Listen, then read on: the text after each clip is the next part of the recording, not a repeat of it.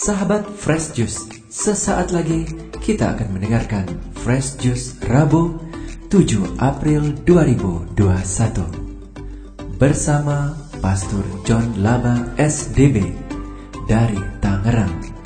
Selamat mendengarkan.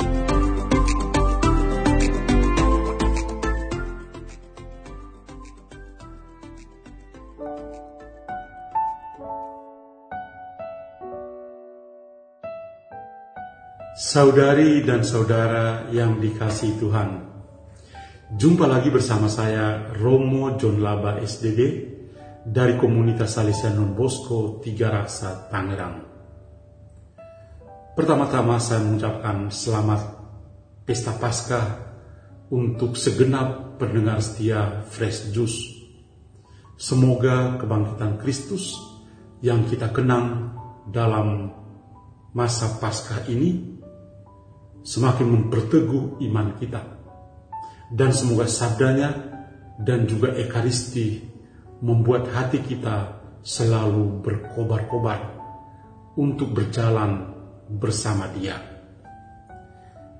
Pada hari ini, hari Rabu Oktav Paskah, kita akan mendengar dan merenungkan bersama kisah Yesus dan dua murid dalam perjalanan ke Emmaus dalam Injil Lukas bab 24 ayat 13 sampai 35. Sekarang saya bacakan. Semoga Tuhan beserta kita sekarang dan selama-lamanya.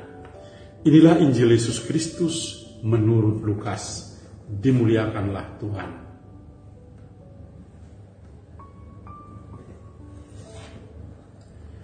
Pada hari Sabat, sesudah Yesus dimakamkan, dua orang dari murid-murid Yesus pergi ke sebuah kampung bernama Emmaus yang terletak kira-kira tujuh mil jauhnya dari Yerusalem.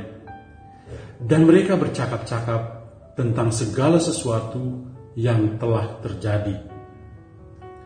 Ketika mereka sedang bercakap-cakap dan bertukar pikiran, Datanglah Yesus seorang diri mendekati mereka, lalu berjalan bersama-sama dengan mereka. Tetapi ada sesuatu yang menghalangi mata mereka, sehingga mereka tidak dapat mengenali Dia. Yesus berkata kepada mereka, "Apakah yang kamu percakapkan sementara kamu berjalan?" Maka berhentilah mereka dengan muka muram.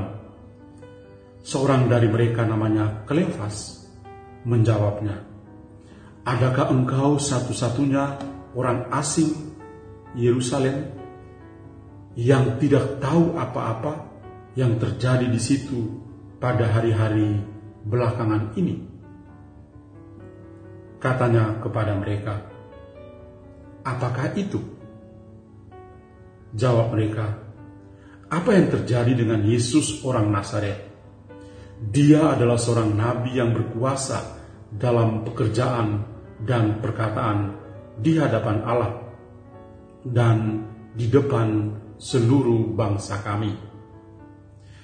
Tetapi imam-imam kepala dan pemimpin-pemimpin kami telah menyerahkan dia untuk dihukum mati. Dan mereka telah menyalibkannya Padahal kami dahulu mengharapkan bahwa dialah yang datang untuk membebaskan bangsa Israel. Tetapi sementara itu telah lewat tiga hari sejak semuanya itu terjadi. Dan beberapa perempuan dari kalangan kami telah mengejutkan kami. Pagi-pagi buta mereka telah pergi ke kubur dan tidak menemukan mayatnya.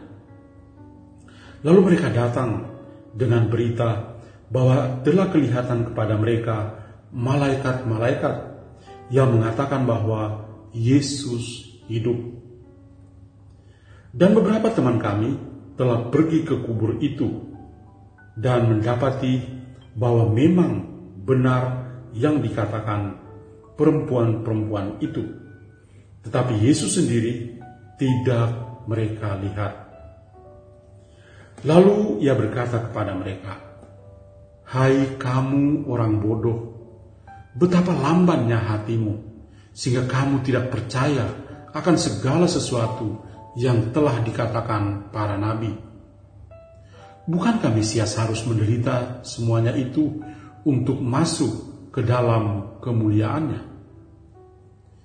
Lalu ia menjelaskan kepada mereka apa yang tertulis tentang dia di dalam seluruh kitab suci, mulai dari kitab-kitab Musa dan segala kitab nabi-nabi. Sementara itu, mereka mendekati kampung yang mereka tuju. Ia berbuat seolah-olah hendak meneruskan perjalanannya, tetapi mereka mendesaknya dengan sangat.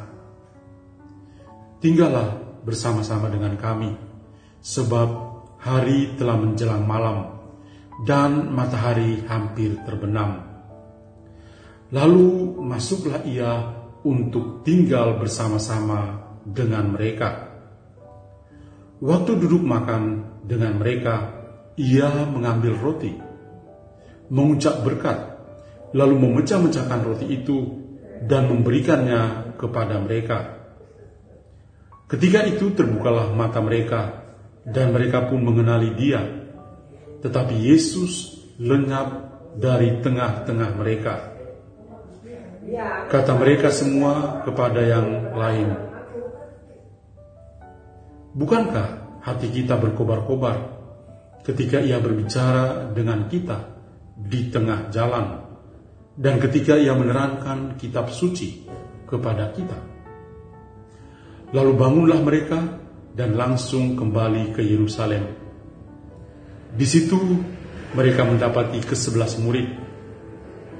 Mereka sedang berkumpul bersama teman-teman mereka. Kata mereka kepada kedua murid itu, Sungguh Tuhan telah bangkit dan ia telah menampakkan diri kepada Simon. Lalu kedua orang itu pun menceritakan apa yang terjadi di tengah jalan dan bagaimana mereka mengenal Yesus pada waktu ia memecah-mecahkan roti. Demikianlah Injil Tuhan kita. Terpujilah Kristus.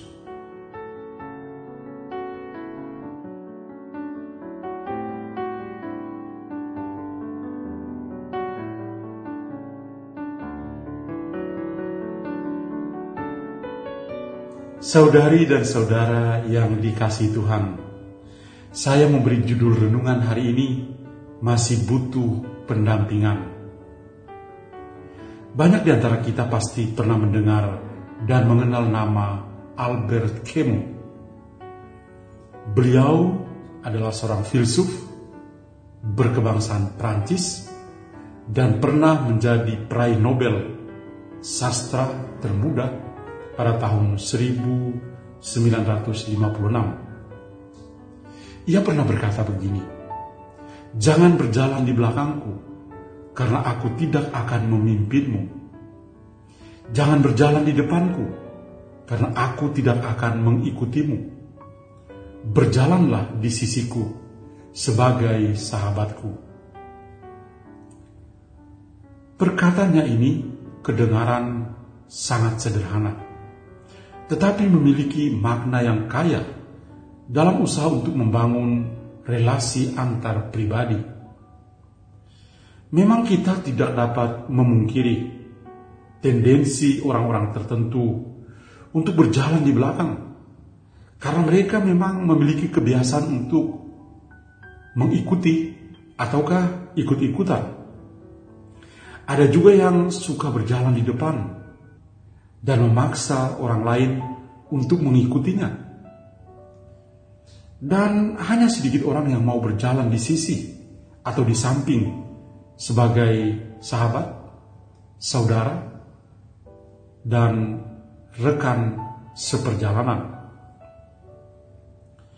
Pada hari ini kita mendengar dan berjumpa dengan sosok Yesus seorang pendamping tulen bagi para murid selama hidup dan saat setelah ia bangkit dengan mulia.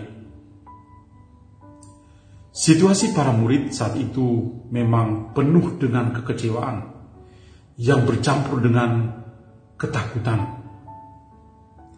Kleofas dan temannya termasuk orang yang kecewa karena harapan-harapan mereka tidak terakomodasi. Ini adalah ekspresi Kleofas dan temannya tentang Yesus. Apa yang terjadi dengan Yesus orang Nazaret? Dia adalah seorang nabi yang berkuasa dalam pekerjaan dan perkataan di hadapan Allah dan di depan seluruh bangsa kami. Tetapi imam-imam kepala dan pemimpin-pemimpin kami telah menyerahkan dia untuk dihukum mati. Dan mereka telah menyalibkannya. Padahal kami dahulu mengharapkan bahwa dialah yang datang untuk membebaskan bangsa Israel.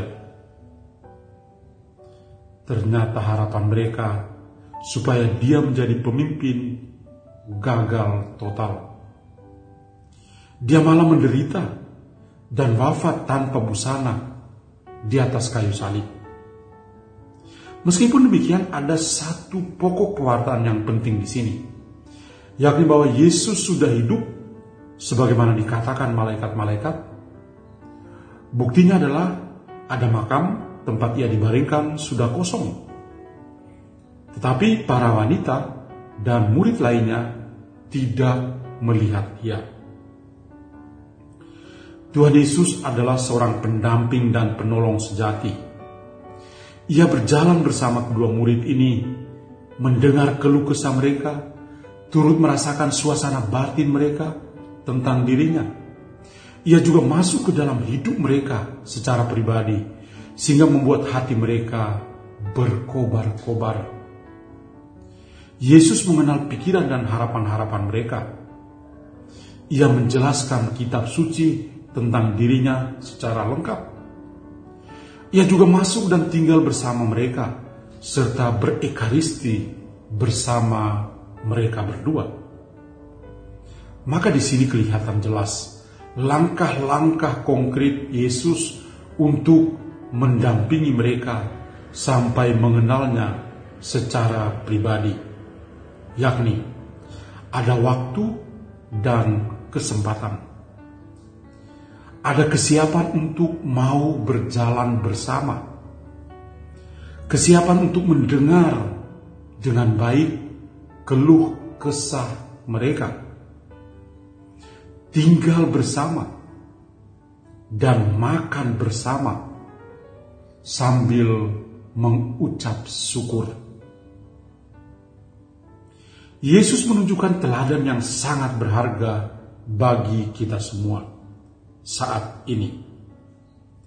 Setiap orang, baik orang tua, pendidik, dan para gembala umat, harus menjadi pendamping setia yang bukan berjalan di belakang atau di depan, tetapi berjalan bersama di samping atau di sisi sebagai sahabat Yesus menunjukkan dirinya sebagai sahabat yang berjalan di samping sehingga membuat hati mereka berkobar-kobar. Kita dapat membayangkan betapa indahnya pengalaman rohani Kleofas dan teman ini. Pengalaman yang juga menjadi harapan kita semua sebagai pengikut Kristus saat ini.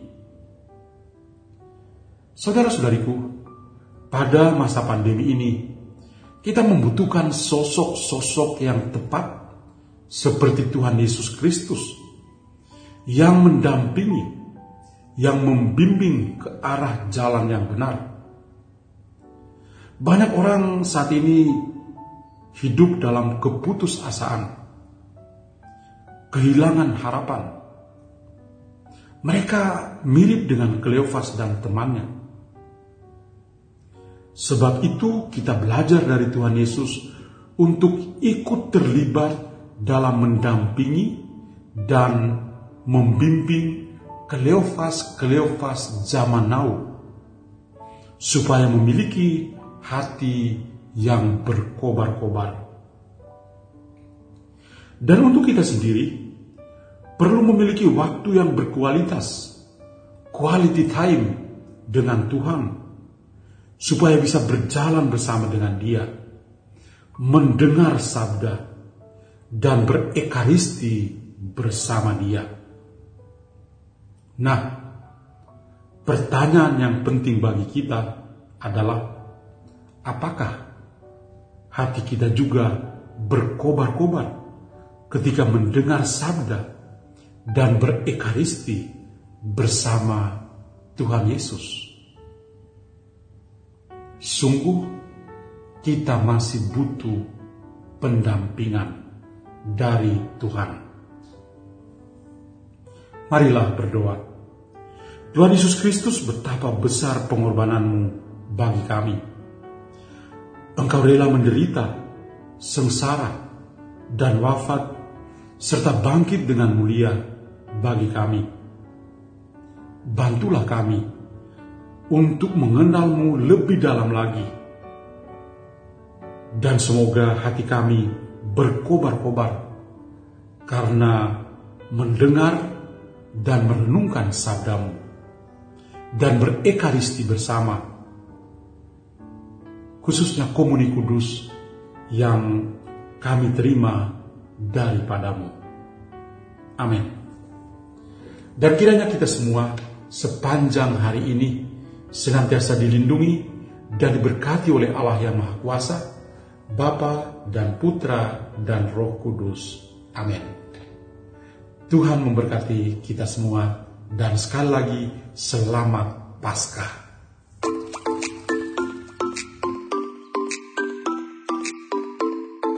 Sahabat Fresh Juice, kita baru saja mendengarkan Fresh Juice Rabu 7 April 2021.